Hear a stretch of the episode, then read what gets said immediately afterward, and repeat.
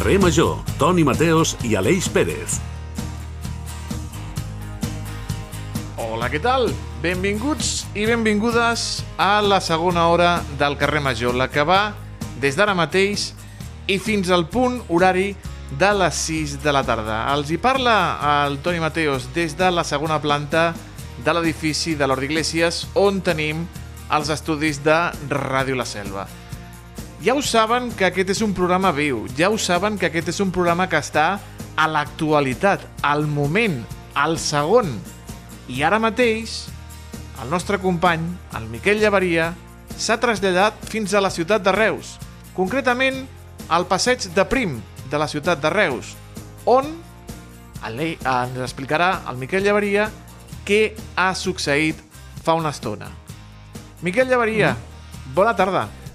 Bona tarda, Toni. Doncs sí, m'he desplaçat fins al passeig de Prim, justament davant de l'edifici número 35, que hauria sigut on una persona hauria intentat suïcidar-se doncs, llançant-se al buit des del balcó. S'hi han desplaçat fins a la zona tant la Guàrdia Urbana de Reus, Mossos d'Esquadra, com també el Servei d'Emergències Mèdiques. Han començat a dialogar amb la persona que finalment ha pogut ser retirada del balcó pels serveis d'emergències. Aquesta persona ha estat traslladada en camilla fins a a una ambulància que l'ha tret d'aquí, mentre eh, tot un grup d'una cinquantena o un centenar de persones observava i també aplaudia quan aconseguien retirar aquesta persona del de, seu possible intent de cometre eh, aquest suïcidi. En tot cas, eh, no ens donen tampoc molta més informació per part de, del Servei d'Emergències Mèdiques i potser hi haurà alguna novetat ja en les pròximes hores. Igualment, la notícia, i bona notícia, és que eh, aquesta persona eh, ha pogut ser retirada de forma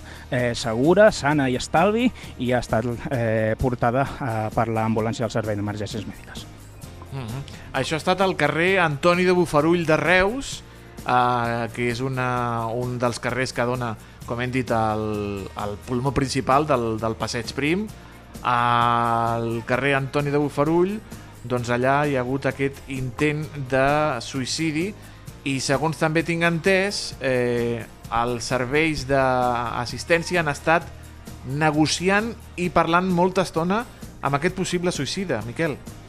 Així és, eh, des d'un balcó eh, just al costat de, en el qual aquesta persona intentava llançar-se al buit, ha estat eh, una, un interlocutor del part del servei d'emergències eh, parlant amb aquesta persona, intentant calmar-la i dissuadir-la del seu eh, intent de, de suïcidi, de llançar-se pel balcó. En tot cas, eh, finalment ha sigut amb l'entrada del domicili que han pogut retirar aquesta persona d'aquest intent. No es coneix eh, moltes dades oficials ni els motius que podrien portar a aquest aquesta situació. En tot cas, ara veiem com ja s'estan retirant eh, les últimes dotacions i unitats per part del servei d'emergències. Tan sols queden eh, alguns Mossos d'Esquadra que ja s'estarien eh, començant a, a marxar i també a disgregar aquesta part de la població reusenca que ha rebut amb aplaudiments quan per fi s'ha vist que aquesta situació tensa i que podria haver acabat molt malament eh, sol de la millor de de la millor de les maneres. També hi ha hagut, com hem, com hem dit, talls de circulació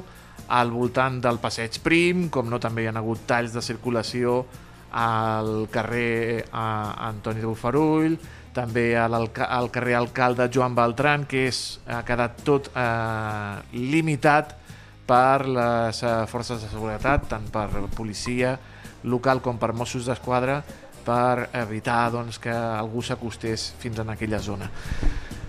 Eh, celebrem no? que la, aquesta història d'avui dijous hagi acabat eh, bé, no, Miquel?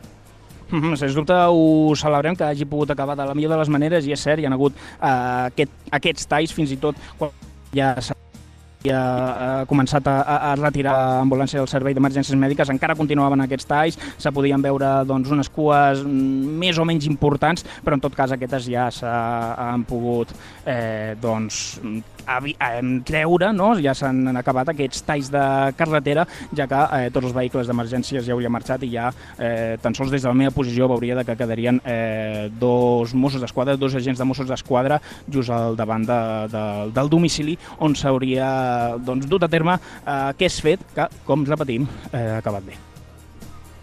Perfecte, doncs eh, Miquel Llavaria, moltíssimes gràcies per la teva feina, per desplaçar-te fins a la ciutat de Reus, amb aquesta ultimíssima hora eh, que ens has explicat des del de, Passeig Prim, on hi ha hagut doncs, eh, al carrer Antoni Buforull aquest eh, intent de suïcidi que, com hem dit, gràcies al treball de, dels professionals, doncs, ha acabat de forma satisfactòria. Bona feina, Miquel. Ho celebrem que hagi acabat així i bona tarda a tothom. Doncs eh, acomiadem el Miquel Llavaria i els saludem. Hola, què tal? Benvinguts, ara sí, al carrer Major, al segon programa preferit d'Àgueda González, que és ma mare. El seu programa preferit de ràdio no és aquest, és, és el de Justo Molinero. Ho sé jo. Ella no m'ho diu, ella diu que el seu programa preferit és el que presenta el seu fill, el que hace por las tardes però amb ella, no ens enganyem, li agrada més el jaroteo. Salutacions del Toni Mateos, el fill de l'Àgueda, des dels estudis de La Selva, des dels estudis de Ràdio La Selva. Una de les emissores que fan possible cada tarda la màgia del quilòmetre zero, juntament amb Ràdio Ciutat de Tarragona, Altafulla Ràdio, Ona la Torre, Ràdio Montblanc, BXC Ràdio, Ràdio Hospitalet de l'Infant i la nova Ràdio de Reus i també, com no, la xarxa de comunicació local. Parlant de la nova ràdio. No sabem quin serà el programa preferit dels pares del nostre company, l'Aleix Pérez. Eh, Aleix, bona tarda. Molt bona tarda, Toni. Doncs ja t'avanço que, que els meus tampoc són els preferits de, de mons pares, no? malauradament. No, jo, ja, ja, que, que, jo, jo ho intento, jo intento que ho Ni escoltin. els nostres pares ens no, escolten? Mon àvia bueno, sí, sí mon àvia, ens a, mon àvia, a mon àvia li agrada molt, eh, el programa. Ah. Mon àvia sí que no se'l perd. Molt bé, molt bé, així m'agrada. Un petó per l'àvia de l'Aleix, que segur que és una senyora jove, perquè si tu ets tan jove, segur que Sí. tens una iaia jove. Els hi portem moltes coses, amics i amigues, per convertir-nos en el seu programa de capçalera de les tardes de dilluns a divendres de 4 a 6. Música, salut, ODS... No s'ho perdin en la seva emissora de proximitat. En Iago Moreno, els controls tècnics, que segur que a casa seva també l'escolten. Vinga, som-hi doncs.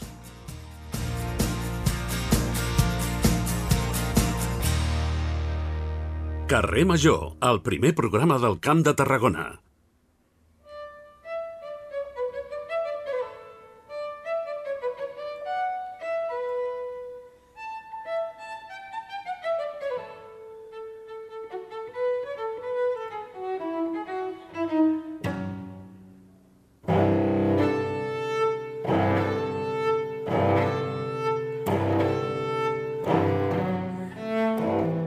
Doncs eh, sonava com una sardana, com l'inici d'una sardana.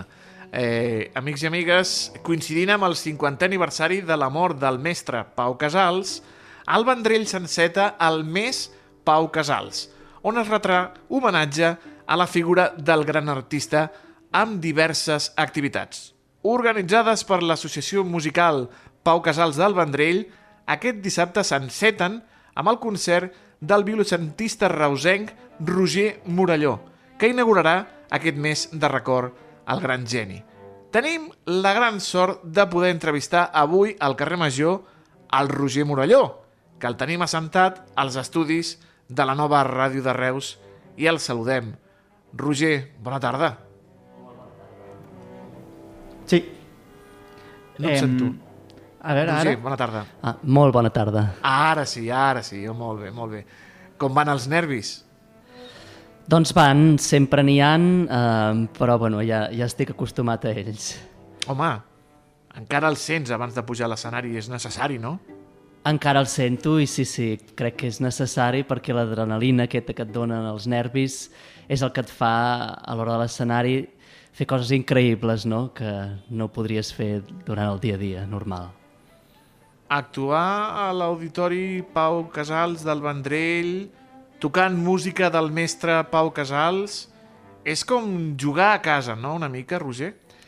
Totalment, eh, em sento plenament a casa. Però hi ha nervis sempre. Sempre això és inevitable, um, fins i tot els músics amb experiència de concerts de moltíssims anys, que ja són grans, encara ho diuen, que ells segueixen tenint nervis abans de cada concert. Però el que sí és que s'aprèn a viure amb ells, no? Tocar a casa, tot i que casa teva actualment crec que és Alemanya, no? Sí, casa meva és un mig-mig, no? La, la meva terra sempre serà Catalunya, però lògicament ara estic vivint a Colònia, Alemanya, que és on vaig anar a fer els meus estudis, el màster i el diploma de, de solista, i ja m'hi he quedat. I de fet el 90% de la meva feina, dels meus concerts, els tinc per allà a Alemanya. I, i com és viure i dedicar-se a la música eh, i viure de la música lluny de casa, lluny de Reus i amb un idioma com és l'alemany i, i, mm. i lluny de la família. Com, com, com va tot això? Doncs a veure, com tota la vida, tot té la seva part bona i la seva part no tan bona. Um, lògicament l'idioma és complicat, no sempre entens tot el que et diuen, um, estàs fora de casa, fora dels teus, però per altra banda, si visc allà és perquè m'obre moltíssimes possibilitats en el món de la clàssica, no? Jo et volia preguntar, Roger, també, al final eh, tu toques unes obres d'altíssim i gran nivell, també una mica com enfoques o com prepares, com, com abordes doncs, una obra tenint també, entenc, en, en, doncs, en ment el context històric en la que es va escriure?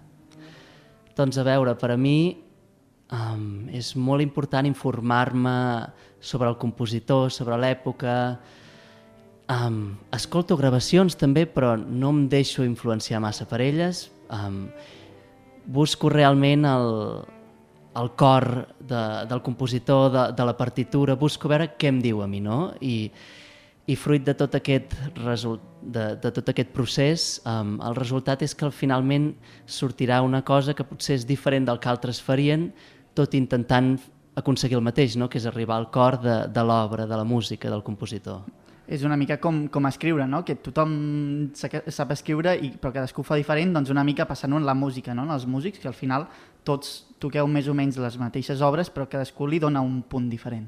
Totalment d'acord, sí. Um, de fet, es diu que cadascú veu el món amb les seves, amb les seves pròpies ulleres, no? El mateix taronja segur que cadascú de nosaltres el veu una mica diferent, doncs el mateix passa amb la música.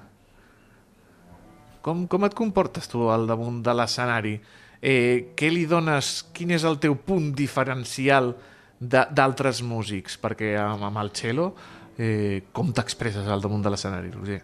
A veure, dit per mi mateix que és diferent dels altres és una mica complicat, però et puc dir la meva perspectiva dalt de l'escenari i és que per mi, quan estic de l'escenari, eh, penso en compartir, no? perquè no estic sol, eh, jo estic envoltat de tot de persones que tenen ganes de passar un bon moment, de desconnectar, d'alegrar-se, de plorar, que és important també.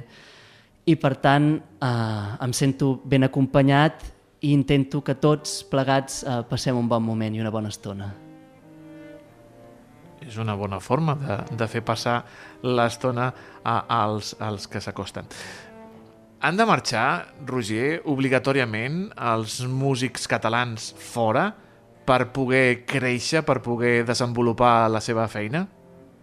Doncs per poder créixer penso que és molt important, um, perquè ja ho diuen que viatjar uh, t'obre la ment, um, i per desenvolupar la carrera, malauradament, també. Així que espero que cada vegada um, s'estan fent molts esforços de part de tot el sector de la cultura no? perquè la cosa vagi millor, però lògicament no és gens fàcil. A cap lloc del món, en la música clàssica, la cultura, no? però en concret a Catalunya doncs, és complicat, però bueno, s'està intentant fer tot el possible i, i espero que cada vegada vagi millor la cosa. I si et trobessis al petit Roger de fa uns anys que anava carregat amb el cello, si poguessis tornar enrere i veure aquell nen que anava amb el cello fins a l'escola de música, què li diries? A veure, bona pregunta. li diria que segueixi els seus somnis és igual el que pensin els altres, el que li diguin um, les experiències dels altres, um, que ell segueixi realment els seus somnis, ni que no ho tingui clar com. Perquè si tots perseguim allò que realment estimem, trobarem la manera, um, ja sigui per aquí, per allà, um, i en el camí anirem fent un procés i trobant exactament per on. No? I de fet, en el món que vivim, quantes coses fa uns anys no existien, no? Vull dir que està tot per fer. Exacte, i també doncs, uns somnis que al final també jo crec que tenen un gran mantra no? en el cas dels músics, que és l'assaig, la rutina, no sé quantes hores estudies, com abordes l'estudi, inclús també en moments no? en què vols que soni d'una manera i potser no ho acabes d'aconseguir. A veure, doncs, penso que en el, en el cas de meu, no de violoncel·lista concertista, és molt important trobar l'equilibri no? entre la disciplina entre la creativitat i el descans, que d'alguna manera van junts. No? M'hauria de repetir una mica més sovint això del descans. Crec que tots, eh? Sí, crec que tots. Què tens, què tens al, al teu telèfon mòbil? Quina música sona en el teu telèfon mòbil? Allò, quan dius, parles del descans, quina música escoltes quan, quan descanses, Roger? Doncs mira, precisament um, la música clàssica lògicament és fantàstica i me la poso de tant en tant, però eh, toco tant i estudio tant i estic en constant, eh, constantment en música clàssica que a vegades prefereixo simplement el silenci. Són molt importants els, el silenci pels músics, no? També. Sí, totalment. Eh, de fet, faig, faig uns mini exercicis de concentració abans de cada concert i que es basen en el silenci no per, per connectar-me amb mi. Mm -hmm. Escolta, en, en Roger, eh, has tocat amb els millors músics i directors de tot el món. Has guanyat molts premis, beques, estades. Eh, suposo que tot això eh, és el fruit del treball i, i t'omple de, com, de, com diu aquell, d'orgull i satisfacció, no? Sí, um, uh, tot això realment són mini recompenses que lògicament dona molt de gust no? ser recompensat pel teu esforç. Ara també he de dir que um, si hagués de posar les coses que no he aconseguit, la llista seria molt més gran que la que tinc al currículum, no? però em sembla que això és, vaja, és algo que a tothom li passa a la vida i penso que el fracàs no s'hauria de veure com algo negatiu, no? com que has fracassat, sinó que és més aviat un aprenentatge necessari, no? perquè on més après a la vida és quan alguna no ha anat bé. Sí, per tant, consideres que és, hi ha més exigència per part d'un món tan especialitzat com és el, el, la, la figura del solista o, te la, o tu poses tu aquesta exigència com a, com a músic? Les dues coses, no? Al final és igual quanta exigència imposi la societat que tu pots dir prou. No? Vull dir que al final, eh, sent sincer, me l'acabo posant jo mateix. Roger, parla'ns dels teus companys de viatge, que em sembla que tens un company de viatge que és més vell que, que, bueno, que, que la Guerra Civil sí. i l'altre és jovenet, jovenet, jovenet. Parla'ns de, del teu violoncel i de l'arc que t'acompanya. Doncs sí, um, és una combinació molt interessant um, i és que el violoncel és del 1743. Mira, es, tu. És un violoncel que es va trobar des, deixat de la mà de Déu en un... com es diu això? Uh, en un soterrani. A vegades no em venen les paraules en el meu propi idioma, parlo tants idiomes cada dia que em faig un embolic impressionant. Bueno. doncs això es va trobar deixat de la mà de Déu, um, el va reparar els Lutiers Solers molt bé um, i estic molt content amb el violoncel. Malauradament no es coneix la història del darrere, però segur que ha passat per moltes mans i, i tindria moltes històries a explicar si pogués parlar. I per altra banda, doncs, l'arc, no?, que també és de la Soler, um, que és un arc modern, um, i penso que la combinació entre algo modern i algo antic és fascinant, no?, perquè considero tan important preservar el passat com estar en el present mirant cap al futur. Uh -huh. És una història molt curiosa perquè també hi ha un altre violoncentista d'aquí del Camp de Tarragona, concretament de la Selva, el Josep Oriol eh, Miró, ah, que sí, també va conec. trobar un violoncel aquest en unes golfes. És, és també molt curiós i també té un munt d'anys. Doncs mira, sí, sí, no sé, ja, ja n'hi ha d'històries per explicar. És que m'estic imaginant, Roger, el pare de el que va començar a tocar el violoncel, que va dir aquest el guardo després de que el nen digui ja no vull tocar més, aquest el guardo a les golfes. I es va quedar allà pels segles dels segles i en el teu cas el soterrani va dir el pare de, de, del noi. Ja no, ja no vull carregar més el violoncel. Ton pare que, o, o, o qui era el que s'encarregava de carregar el violoncel eh, reus amunt i reus avall? Doncs amb uns pares, sí, sí, amb, eh, els estic molt agraït perquè realment el suport dels pares perquè els seus fills facin allò que ells decideixin fer, no allò que està inculcat per sons pares o per la societat, etc. Uh, és molt d'agrair, realment. I jo et volia preguntar també l'instrument, perdona que torni aquí, però crec que també és molt complicat no? trobar un instrument i és més encara més casualitat no? que s'adequi tu un instrument tan antic i que sentis que el, que, que el pots tocar, que el pots fer teu. Perquè sí. la tria és complicada, també entenc. Sí, molt complicada. Eh, de fet, em considero molt afortunat en aquest sentit, no? perquè va ser, com si diguéssim, un amor a primera vista. Però sé de xelistes que busquen i busquen i, i no troben. Després també la part econòmica, no? No és, no és fàcil. Uh -huh. Has publicat diversos discos, fins i tot un de tangos. Mm -hmm. Sí, sí, um, uh, el meu primer disc va ser Schumann Ghost Tango, uh -huh. um, i va de música folclòrica um, i està pensat no, per apropar la música clàssica a més públics, perquè jo sempre ho dic que la clàssica n'hi ha per a tothom, per a tots els gustos.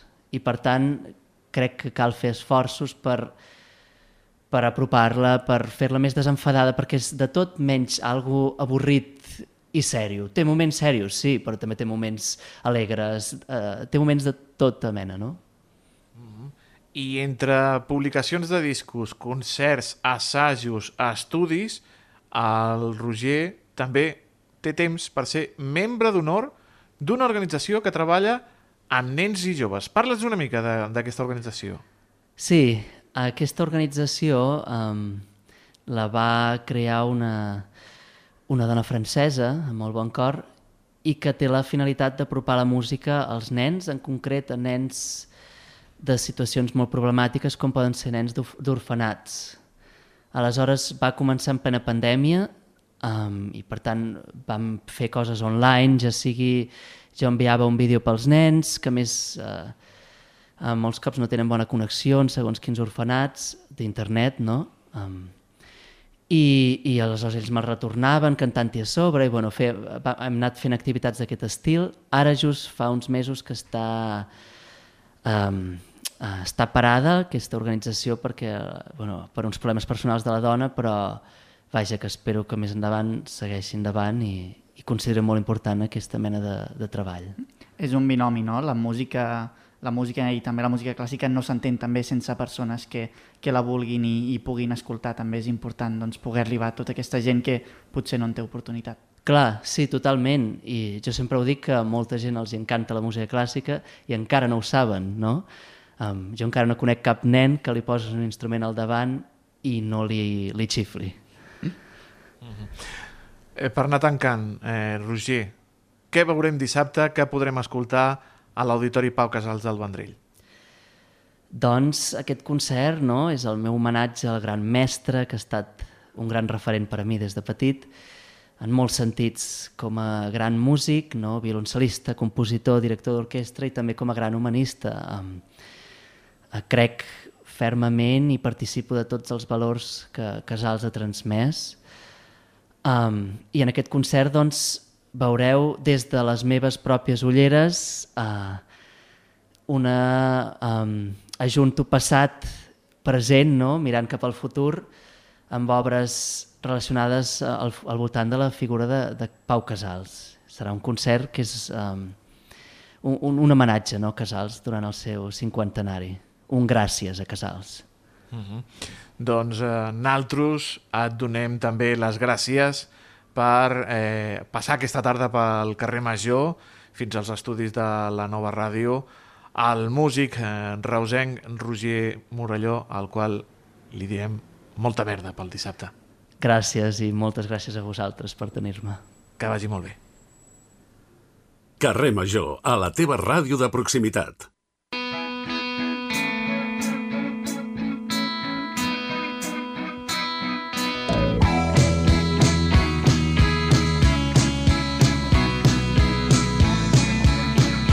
Continuem aquí al carrer Major. Com sempre, és l'hora dels col·laboradors, és l'hora de parlar, d'informar-nos, de co- conversar amb gent que realment sí que sap de molts temes que realment doncs, ens afecten a la nostra societat. I avui, doncs, no sé si ho hauran notat ja, potser a l'aixecar-se, potser sortir al, al carrer, comença a fer una mica de fred. I nosaltres volem parlar amb la col·laboradora d'avui, la doctora Mireia García Villarrubia, doncs, una mica de, de, de la campanya de vacunació de, de tardor i també una mica doncs, com gestionem tots aquests refredats que segurament més d'un, m'incloc també, estem començant a batir. Molt bona tarda i gràcies per venir a Carrer Major. Bona tarda a tothom.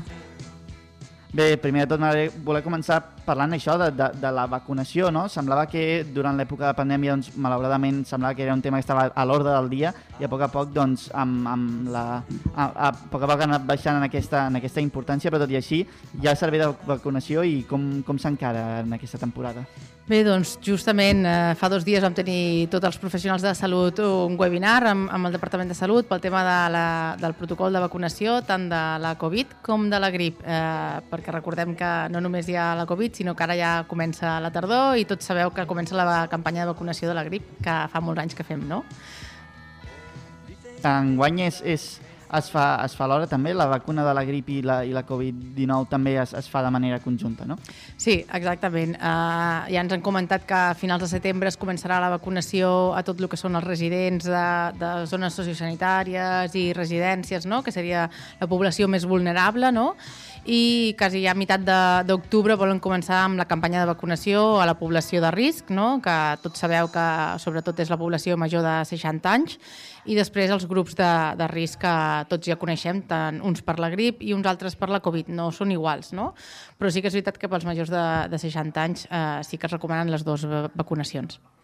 Mm, Quines diferències hi ha, que comentaves, aquestes, que, que hi ha una població que hi ha un factor de risc, però quines diferències hi ha entre la grip i la Covid-19 a l'hora de, de, de, de, qualificar del risc en la vacunació? Bueno, bàsicament és la, amb el tema de la grip que hi ha, hi ha uns, uns, uh, unes recomanacions per, sobretot per la població infantil. No? Se recomana uh, vacunar el, a la, als nens uh, més petits, fins als 56 mesos, i a tota aquella població infantil que uh, prengui acetilsalicílic, que és l'aspirina de tota la vida, per un problema de que si agafen uh, la grip podrien tenir un síndrome de Reille, que es diu que nosaltres tots els coneixem, no? els professionals, però per la població seria un, un, un tema de risc i, i això seria molt important. No? I després tot el tema de... Sí que és veritat que aquí ja entra tota la població, tant, tant grip com Covid, que seria tot el que siguin pacients amb malalties cròniques eh, respiratòries, no? que aquí entrarien eh, tot, tot el PAC però sí que hi ha aquestes petites diferències que bàsicament el que ha de saber la població és que comenti a les seves infermeres, que pregunti si li recomanen posar-se una, les dues o una de les dues, no? Tant sigui en el món de pediatria com el món de, de medicina. Bàsicament és preguntar a les vostres infermeres referents quina és la vacunació que us toca, si és que no contacten amb vosaltres, perquè moltes vegades des dels centres d'atenció primària fem eh, missatges massius de recordatoris, no? de recordeu que és l'època de vacunació i si eh, realment t'han enviat aquest missatge vol dir que entres dins de, del factor de risc. Eh, Molt interessant aquesta recomanació també, doncs, estar atents a tots aquests missatges. També jo volia preguntar per què ara s'inicia la campanya de vacunació? Té alguna a veure amb la tornada a l'escola o té, té algun motiu concret o, o, o, o és que és més efectiva les vacunes en aquesta època de l'any com funciona? Bueno, té a veure amb el que tu has dit al principi, no? de que comencen aquests canvis de, de temps, no? d'una mica més fred, els canvis de temperatura, comencem tots a, a tancar-nos en llocs, no? ja siguin les escoles, ja sigui la feina, no? tots venim de- d'espais de, oberts, de vacances, i comencem a, a a aglutinar-nos d'alguna manera i a més a més canvia, canvien els temps, amb la qual això fa que el nostre sistema immunitari doncs, eh, sigui més fàcil de, de, de que hi hagin aquesta, aquests tipus de virus. No? I tots sabem que a la, la tardor és el moment de vacunació per evitar eh, durant tota la tardor i l'hivern, que és el, el moment més eh, prevalent eh, d'aquests virus, no? eh, i ens hem de, de, de, de prevenir tota aquesta mm, problemàtica de virus, no? Sabrem que tots tindrem refredats, però el que no volem és eh, tenir aquests dos virus, que són la grip i la Covid, que tots sabem que tenen unes taxes de mortalitat molt elevades. Sí. I, clar, jo volia preguntar també per, per, pel meu cas, jo sento que tiri molt cap a casa, però soc una persona que constipo molt, estic encostipat, acatarrat. Hi ha alguna fórmula màgica o hi ha alguns consells, hi ha alguna manera de dir, ostres, doncs així és menys probable que, que, que agafis un, un constipat? La, la clau és fàcil i és molt... mo- Bueno, m'agrada molt dir-ho i que m'ho preguntis aquesta pregunta perquè molta gent m'ho pregunta no? a la consulta. Bàsicament és fer una vida saludable. Què vol dir una vida saludable? Pues, eh, que tant biològicament, psicològicament i socialment estigui saludable. Què vol dir això? Que mengis bé, que tinguis una dieta equilibrada de tots els nutrients, és a dir, allò, a vegades la gent, oh, em compro un, un multivitamínic o em compro vitamina, vitamina C, que sapigueu que si una nutricionista eh, el que us diu sobretot és que mengeu de tot, quan més fruites i verdures i de més colors millors perquè són les que porten més vitamines i totes les vitamines, nutrients, minerals de la millor manera que s'absorbeixen, sabeu com és? De l'alimentació. Tot l'altre és química. Llavors, realment, la, la millor absorció d'aquestes eh, vitamines i per reforçar el nostre sistema immunitari és una bona alimentació variada. I després, molt important, que comentàvem ara aquí mentre gravàvem a la ràdio, no? Uh, el factor estrès i emocional que tenim, que realment anem tots carregats no? uh, amb una societat una mica moguda i tots portem un nivell d'estrès molt important i hem de recordar les hores de son, hem de recordar una, fer una vida activa a nivell d'activitat física per, no? per poder desconnectar una mica de, del dia a dia i sobretot és això, vida sana, que vol dir alimentació saludable, fer activitat física i tenir unes relacions socials eh, saludables per tenir una bona, un estat mental. Entenc que també influeix el, el, el, el temps, no? Uh, aquests dies que hi ha hagut, hi ha hagut doncs, ruixats, ara ja el temps ja sembla que ja ens acompanya una mica més, però hi ha hagut bastants ruixats. No sé si també noteu també d'alguna manera un augment quan, quan el temps o el clima doncs, no és favorable o, o, o fa més fred. Bueno, això són canvis estacionals que, pues, eh, evidentment, no? de vegades quan una està amb aquests canvis, ara tinc fred, ara tinc calor, eh, realment el problemàtica també de, de, de lo que dèiem, no? de, ens hem de salvaguardar d'algunes coses, surts i passes fred o et mulles, eh, són canvis que el nostre sistema immunitari nota i qualsevol virus que tenim rondant doncs, eh, l'agafem d'alguna manera. Hi ha alguns aliments que sempre, doncs, ja sigui en l'imaginari col·lectiu o inclús en la mateixa publicitat, no? que ens diuen que són unes vitamines o són uns nutrients que són molt, molt importants i sembla que n'hi ha altres que, que no apareixen tant en els anuncis. No sé, per exemple, en el cas de la vitamina C, per exemple, que és el famós cas de les taronges, jo no sé si realment és doncs, doncs, justificada tota aquesta publicitat i tot aquest imaginari col·lectiu al voltant de la vitamina C, per exemple, o realment No, no un- totes són importants? Totes són importants, no és un imaginari col·lectiu, és el que us deia bàsicament abans, no? la dieta saludable i fer una alimentació molt rica en colors. No? La vitamina C no només està en les taronges, estan les maduixes, el kiwi eh, i moltes altres fruites, però com veieu, totes tenen molts colors i és la manera en la qual nosaltres eh, eh, hem d'integrar aquest, aquest component. No? Per això us deia aquesta si tu fas una dieta saludable eh, i rica amb molta, amb molta diversitat d'alimentació, segurament tindràs tots aquests eh, ap- aport, eh, aports no? de, de vitamines i, i nutrients que necessita el cos per evitar no? que el seu sistema immunitari eh, afluixi i li pugui en, entrar aquest virus. Sí, i també no sé si quin, una vegada doncs, doncs podem agafar aquest virus, no sé si hi ha alguna manera també de que pugui passar-lo de manera més lleugera i ràpida possible, si hi ha algunes recomanacions un cop doncs, ja, ja estem constipats, eh, si ja estem refredats, perduts, doncs quin és una mica el camí que, que hem de fer o que ens pot ajudar a, a passar-ho de la manera més, més lleu possible. Bé, bàsicament eh, això depèn de, de com estigui de fora el teu sistema immunitari, no? és el que dèiem, eh, però bueno, la veritat és que eh, aquests virus, ja ho sabeu ara, mm, malauradament per la pandèmia, heu conegut els virus i sabeu que no hi ha un eh, medicament específic per ells, sinó que bàsicament és paracetamol i aliviar els símptomes d'alguna manera, ja sigui la tos, ja sigui la febre, no bàsicament. Vosaltres sabreu que sobretot sempre diem paracetamol i molta hidratació per, pel tema de, de la febre i el malestar i el dolor generalitzat que provoquen aquests refredats. I bàsicament eh, és tenir cura d'un mateix, no? que a vegades també som molt, molt precipitats i quan hi ha gent que vol treballar va de qualsevol manera i a costa, no? que es diu, a la feina. S'ha d'anar, sí, però si realment et trobes malament i has d'estar al llit, has d'estar al llit. O sigui, d'aquesta d'aquesta forma te pot, pot, probablement te recuperaràs molt abans. No? I l'altra cosa és anar al cap quan hi hagin símptomes greus, no? que, que realment ja portes 3-4 dies i no hi ha manera de, que el que tu estàs fent eh, t'està ajudant. No? Això vol dir que hi ha símptomes que s'estan agreujant, que està complicant llavors és quan heu d'acudir als, als serveis dels centres d'atenció primària per valorar si és que hi ha algun altre problema. A vegades els virus eh, aporten, com te, te, te redueixen el teu sistema immunitari, comporten una sobreinfecció bacteriana, que per aquesta sí que tenim tractament, que, que són els antibiòtics. Llavors, una miqueta és mirar els símptomes com van, si van a millor perfecte i si van a pitjor, consultar el vostre eh, metge de referència. Doncs ja ho han sentit, tots aquests consells no, que ens apuntem a la, a la nostra llibreta de recomanacions en unes èpoques que realment doncs, comencen a ser un, un factor a tenir en compte el nostre dia a dia. Moltíssimes gràcies, doctora Mireia Garcia Villarrubia, vicepresidenta del Col·legi de Metges de Tarragona. De res, a vosaltres. Estàs escoltant Carrer Major.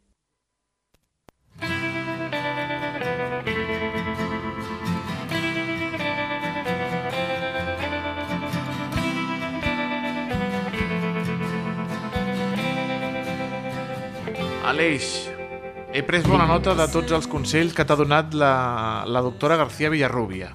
Espero que tu també. I tant, i tant.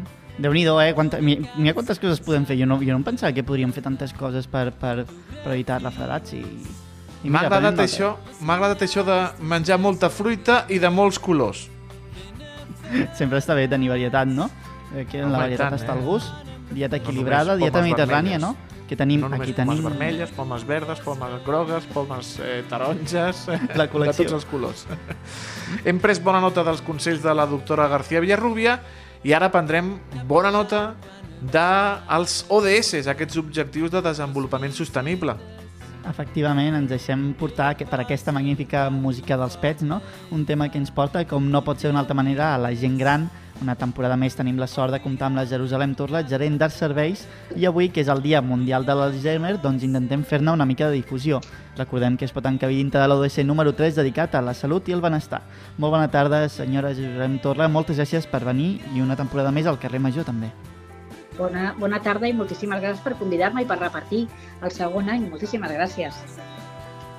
Bé, m'agradaria començar doncs, una mica saber si, si és complicat parlar de l'Alzheimer amb, amb la gent gran. No sé quins, quin, quina és la, la concepció que en tenen, primer de tot. Sí, bueno, més que la gent gran, eh, els, eh, el més complicat és els familiars i els cuidadors, perquè moltes persones eh, tenen, estan cuidant amb una persona amb Alzheimer i tenen moltes problemàtiques. Pensem que l'Alzheimer és una malaltia neu neurodegenerativa i que produeix una pèrdua de memòria, però que és eh, i de desorientació. ¿vale? És una, una malaltia que va molt lenta, per desgràcia va molt lenta, i que els familiars que tenen al càrrec una persona amb Alzheimer és una, és una malaltia realment bastant dura, bastant dura perquè és una, un domicili. Per tant, no, quan arriba la, la mala notícia, no, entenc que és com un xoc en aquestes fases iniciàtiques i, i, i com es gestionen aquests primers compassos d'impacte és bastant dur. Hi ha moltes vegades que nosaltres sempre el que aconsellem des del centre de dia, des de l'empresa de l'ARC, és que hem de buscar sempre un recolzament des del seu cap, el seu neuròleg, el seu metge i sobretot suport d'entitats i que puguin portar a les persones en un espai on hi hagi unes dinàmiques, unes rutines, en, en centres que siguin especialitzats, perquè conviure una persona malalta del gènere 24 hores és molt dur. I aquesta fase cada vegada avança més, comença a tenir problemes, eh, no dormen per les nits, hi ha casos d'Alzheimer que són molt agitats, eh, bueno, ho hem viscut durant la pandèmia, durant la pandèmia s'ha trobat persones que convivien amb malalts d'Alzheimer, que moltes vegades aquesta persona era un cuidador bastant gran i que porten dos dies que començaven a matar mosques per les parets perquè és que et quedes, eh, eh, et quedes descontrolat del cap. És, és, realment és molt dur, eh? és una malaltia que és molt dura. Tu penses que tens una, una dona al costat i, i, port, i quan porta ja un temps de la malaltia és que arriba un moment que ni et reconeix. O sigui, que, que és bastant complicat, i sobretot amb els cuidadors que són, perso que, que són persones grans. I senyora Torra, en alguns casos també són violents, eh, malalts. En el cas del meu pare, mon pare era un tros de pa eh, gràcies a Déu era un tros de pa, però jo coneixia d'altres casos de persones que eh, estaven, es violentaven i volien sortir de la casa i, i, i ho feien tot per intentar sortir de casa. Sí, sí, tenen, tenen aquesta angoixa de, del patiment. Nosaltres estem al centre de dia, sobretot quan arriba més l'hivern, que comença a fer-se fosc, quan arriben a les 5 de la tarda o a les 5 i mitja, encara no ha vingut el, el familiar a recollir-los, els agafa aquesta angoixa de marxar, de que vull marxar, de que no em vull quedar, que no m'he d'anar a buscar, mm, i de veritat es desorienten moltíssim i moltes vegades es poden estar agressius. O també tenim casos de la dona que té Alzheimer i té el cuidador que és la persona, i a l'hora d'anar al llit, com han dormit tota la vida, un matrimoni de 80 anys, no reconeixen que el que tenen a costat és el marit. Hi ha unes situacions bastant, bastant crues, bastant crues. Vam tenir un cas molt dur, molt dur, a Arbós, d'una senyora que va avançar molt de pressa. Ella arribava a casa seva i quan anava al lavabo amb el seu mirall ella no el reconeixia i començava a parlar amb aquella senyora i es posava molt violenta perquè deia que aquella senyora l'estava vigilant a l'hora de lavabo. Van tenir que començar a treure els, els miralls. Però que després tampoc podia pujar l'ascensor. Es trobava amb un mirall i començava a donar cops o si no, era el marit i estava allà asseguda al menjador i jo me'n recordo que venia l'home a portar-li el berenar, a portar-li alguna cosa i començava estamos de obras en casa, estamos de obras. Y yo le decía, ¿por qué? ¿Por qué? No, es que cada día tenemos un paleta diferente. I a l'hora de ficar-se al llit mmm, teníem uns drames no volia, vale? van tenir que separar hasta les habitacions perquè no volia, perquè ella s'estava ficant al llit amb una persona que era totalment desconeguda per ella. És que no fem cas, però la malaltia de l'Alzheimer és, és una demència que és molt comuna i representa el 70% dels casos que hi ha en demència. I diuen de l'OMS, el dilluns vam estar en unes conferències que feien a Reus, diuen que comencen, les demències comencen a partir ja molt tempranes, 60 anys, 55, 60, i diuen que segons la OMS diu que a nivell mundial hi ha 50 milions de casos. El 2050, ni us ho imagineu, 125 milions. O sigui, aquí tenim un repte, tenim un repte. Clar, un, cada vegada doncs, va en augment, no? malauradament, aquest nombre de casos, com també comporta l'envelliment de la població. No sé si també és dur, com comentaves, aquesta pèrdua d'independència, no? o de, o de, o de o de que potser aquella gent gran que, o, o aquelles persones que sempre havien anat molt a la seva i de cop doncs, sempre han de tenir algú que estigui pendent. Sí, perquè a part ho notes, gent molt autònoma que ha sigut, que els agrada molt sortir, molt al carrer, i llavors comencen amb les pèrdues, que ells, ells se comencen a notar que tenen pèrdues de memòria, que es comencen a deixar les coses. A vegades no els hi donen, no els hi donen molta importància, o moltes vegades es queda amagat mm, darrere d'una depressió. Aquella persona es troba ensupida, ja tinc uns, dels, uns, un dels quals que se m'obliden, i moltes vegades està darrere d'això. A mesura que va passant la fase, vam tenir persones que han sigut cuidades tota la seva vida, ara no s'han fet un orferrat.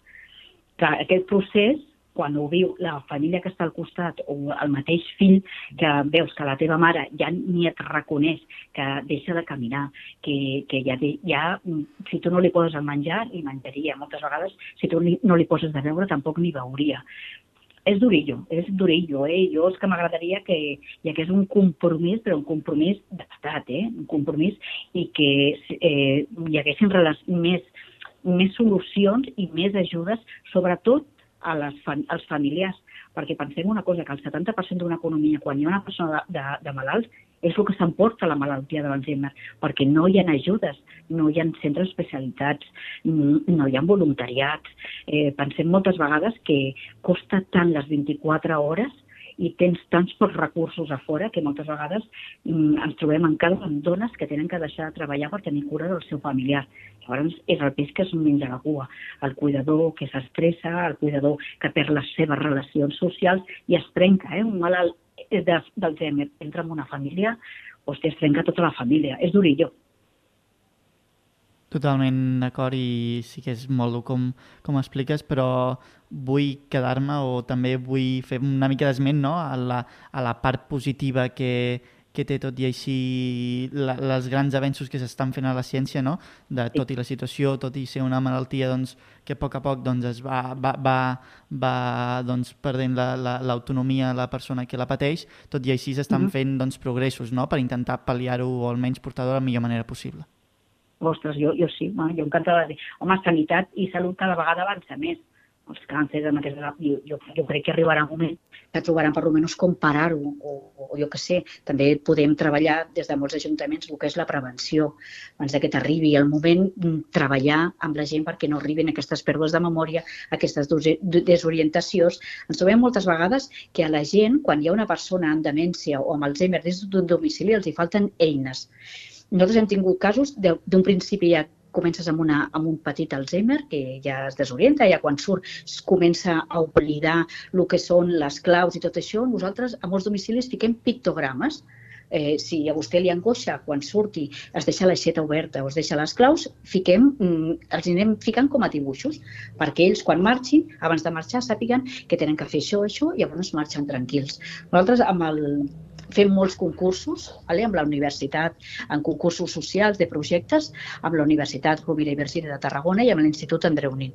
Eh, aquest any, al principi d'any, eh, el guanyador va ser un grup de noietes, quatre noietes que van... El concurs va ser una targeta QR. Vale? Nosaltres som també molt amants de no marcar, estigmatitzar a la gent gran. Hem de ficar ni medalles ni pulseres i a part, amb els temps que hi som, valga'm Déu. Eh, hem fet unes targetes amb un QR, amb aquest QR hi ha una sèrie sèrie de dades de la persona que té pèrdues de memòria, que ja té una, un Alzheimer en un principi, i moltes vegades quan marxa a comprar alguna cosa, quan surt de la farmàcia, és el cas, no sap on està, es perd. Nosaltres anem de la mà amb els Mossos d'Esquadra. El demà divendres pel matí i el dimecres 27 faran una xerrada i t'expliquen una guia com actuar en un moment donat quan, et, quan una persona es perd o quan et trobes una persona. Eh, paral·lelament amb això, nosaltres fem unes targetes amb els usuaris del domicili que ens ho demanen, perquè nosaltres hem tingut casos de persones que han anat a la farmàcia quan surten de la farmàcia es desorienten, o la típica persona que fa el mateix camí sempre, eh, arriba un moment que es troba un camió de llet o alguna així que es para, es té que desviar i ja no sap com tornar.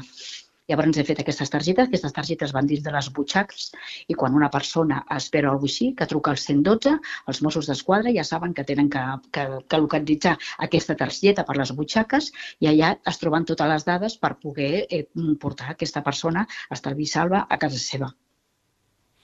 Llegíem aquest matí, senyora Torra, que, eh, coincidint amb el Dia Mundial de l'Alzheimer, un estudi sí.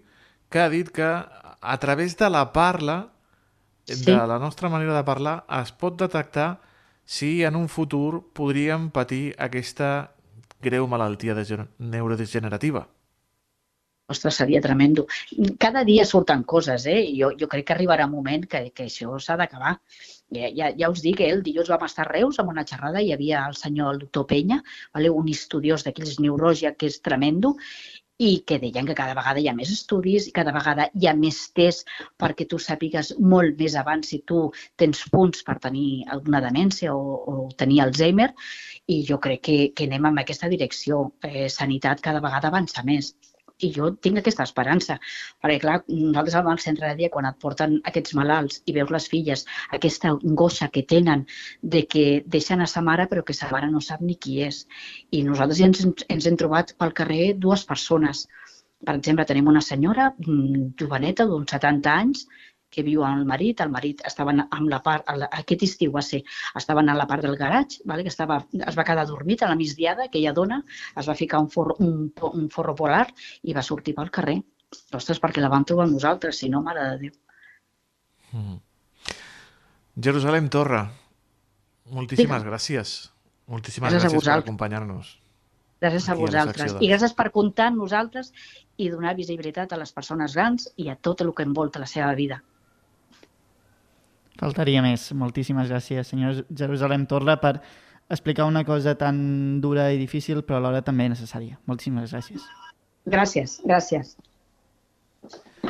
I anem, uh, acabem el programa eh, com hem començat, com l'hem començat al principi, a l'Eix, connectant en directe amb el nostre company, amb el Miquel Llevaria, que continua, eh, el veig, aquest, aquest carrer em sona molt, bueno, és que jo visco per la zona. Miquel, què ens expliques?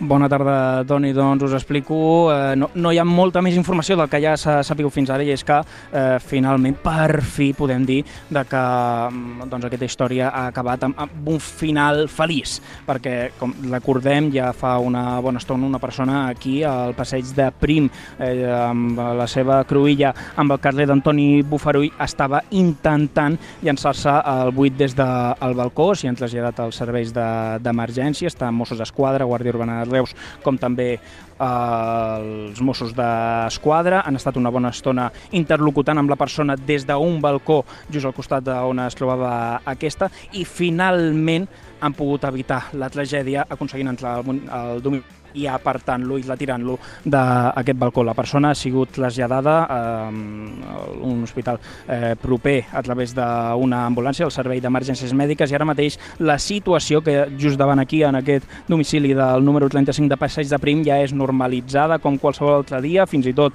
ja els últims dos agents de la Guàrdia Urbana que estaven per aquí fa poca estona ja han marxat, però en tot cas sí que hi ha hagut un bon ensurt, hi ha hagut un bon enrenou, un, més o menys un centenar de persones que eh, eh, durant una bona estona han estat aquí seguint el, els esdeveniments i que ens les posa amb aplaudiments quan han vist que per fi s'ha evitat la, la tragèdia. I en tot cas també unes afectacions al trànsit, diverses cues, sobretot aquí a Passeig de Prim, una dels principals carrers que connecta eh, la plaça de la Pastoreta amb la plaça del Nen de les Oques. En tot cas, mm. com podem dir ja, eh, final feliç, més detalls no en podem donar, també des dels propis serveis d'emergències, des de Mossos d'Esquadra o des de Guàrdia Urbana, ara mateix guarden silenci. Imagino que per la, la proximitat dels fets en quant al moment, potser eh, més endavant o ja de cara a demà tindrem una mica més d'informació. Què t'han comentat els veïns, Miquel? T'han dit alguna cosa? Què, què es copsava eh, entre els curiosos que han estat vivint eh, aquests minuts d'angoixa en ple centre de Reus? Doncs tenies eh, testimonis un pèl diversos, eh, alguns que s'hi aportava moltíssima estona intentant doncs, llançar-se, eh, algun que deia doncs, el coneixia, eh? fins i tot alguna persona deia no, no, no, sé, més o menys crec que sé quina, quina persona és, però mm, tampoc entenc eh, com ha succeït a, a tot plegat. En tot cas, eh, la gent el que sobretot diu és que com a mínim eh, no s'ha hagut de lamentar cap mena de, de tragèdia i, i, i explicaven una mica els fets, com la persona interlocutora ha estat una bona estona eh, dialogant amb, amb, amb, aquest, amb la víctima i que per sort doncs, tot ha acabat en un ensurt. Doncs Miquel, gràcies. Si tens el cotxe ben aparcat, aprofita doncs, per fer algun cafetó o alguna cervesa pels bars d'aquí de, del Passeig Prim, que et tractaran molt bé. Si els hi dius que vens de part meva, et tractaran molt bé. Eh, gràcies, Miquel. Fins demà. Bona tarda, fins demà. I a tots vostès, amics i amigues eh, del carrer Major, també acomiadar-nos perquè hem arribat al final del nostre programa d'avui dijous. Demà toca Gresca i Xerinola, no, Aleix?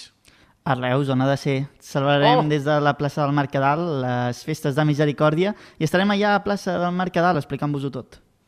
De 4 a 6, no s'ho perdin. Estarem vivint i copsant el batec de les festes de Misericòrdia. Tornem demà. Adeu, adeu.